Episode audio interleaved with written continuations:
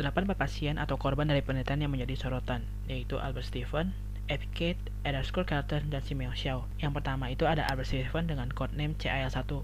CAL1 merupakan codename yang diberikan kepada Albert Stephen, pasien pertama yang menerima dosis plutonium di California.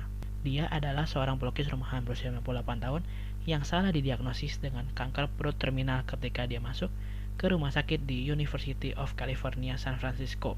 Pada dokter di sana ini awalnya memberinya waktu 6 bulan untuk hidup. Dokter di kelompok penelitian Joseph Hamilton di Berkeley menyiapkan plutonium 238, isotop yang 276 kali lebih radioaktif daripada plutonium 239 dan oleh karena itu lebih mudah untuk diukur oleh instrumen. Pada 14 Mei 1945, satu bulan setelah injeksi Outreach, Stephen tanpa sadar menerima dosis plutonium yang dianggap karsinogenik oleh seorang ilmuwan di lab Hamilton.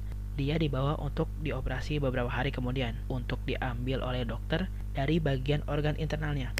Biopsi tidak lama setelah itu mengungkapkan bahwa yang awalnya didiagnosis dokter sebagai kanker ternyata jinak. Dokter terus memantau Stephen setelah dia meninggalkan rumah sakit tersebut tanpa memberikan penjelasan apa pun. Stephen dan keluarganya tidak pernah diberitahu bahwa dia tidak mengidap kanker dan meninggal pada tahun 1996 karena gagal jantung 21 tahun setelah masuk ke rumah sakit tersebut. Yang kedua ada Ed Cage dengan codename HP12.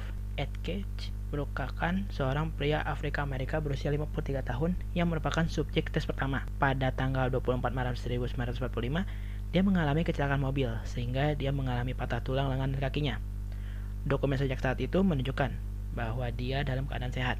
Dr. Friedel menulis kepada Dr. Hempelman di Los Amalos bahwa dia menemukan subjek utama untuk percobaan plutonium. Pada tanggal 10 April 1945, Dr. Joseph Howland memberikan dosis plutonium sebesar 4,7 mikrogram kepada Cage yang sedang menunggu prosedur untuk memperbaiki tulangnya.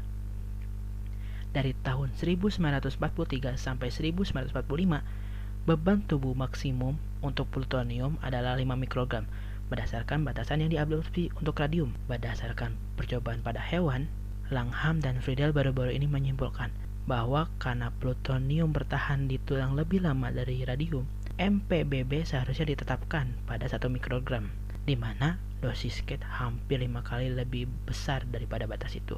Kate tidak dirawat karena cedera tangan dan kakinya hingga 15 April, lima hari setelah penyuntikan, sehingga para dokter dapat melakukan biopsi sampel tulangnya. Ini termasuk pencabutan 15 giginya yang kemudian dikirim ke Rockingham di Los Amalos. Tidak jelas Apakah Cage menderita kerusakan gigi yang sah? Tidak lama setelah tulangnya dipasang, Cage tiba-tiba keluar dari rumah sakit. Dia pindah dari Tennessee dan meninggal karena gagal jantung pada 13 April 1953, 8 tahun setelah injeksi Outreach.